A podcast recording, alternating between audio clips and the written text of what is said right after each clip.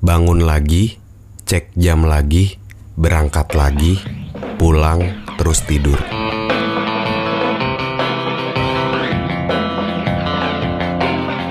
Itu semua adalah gambaran rutinitas kita seperti biasa.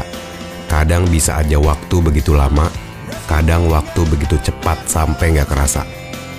Bosen dan marah, dua kata sederhana tapi kayak mewakili semuanya. Bukan berarti sedih dan menyesalinya ya, tapi hidup kayak kerasa pendek saat semuanya begitu kepepet. Mau dinikmati, tapi nggak tahu di mana nikmatnya. Mau disesali, tapi kebutuhan kita bisa aja terpenuhi. Makanya cuman marah dan bosan yang ada di hati. Ya nggak sih?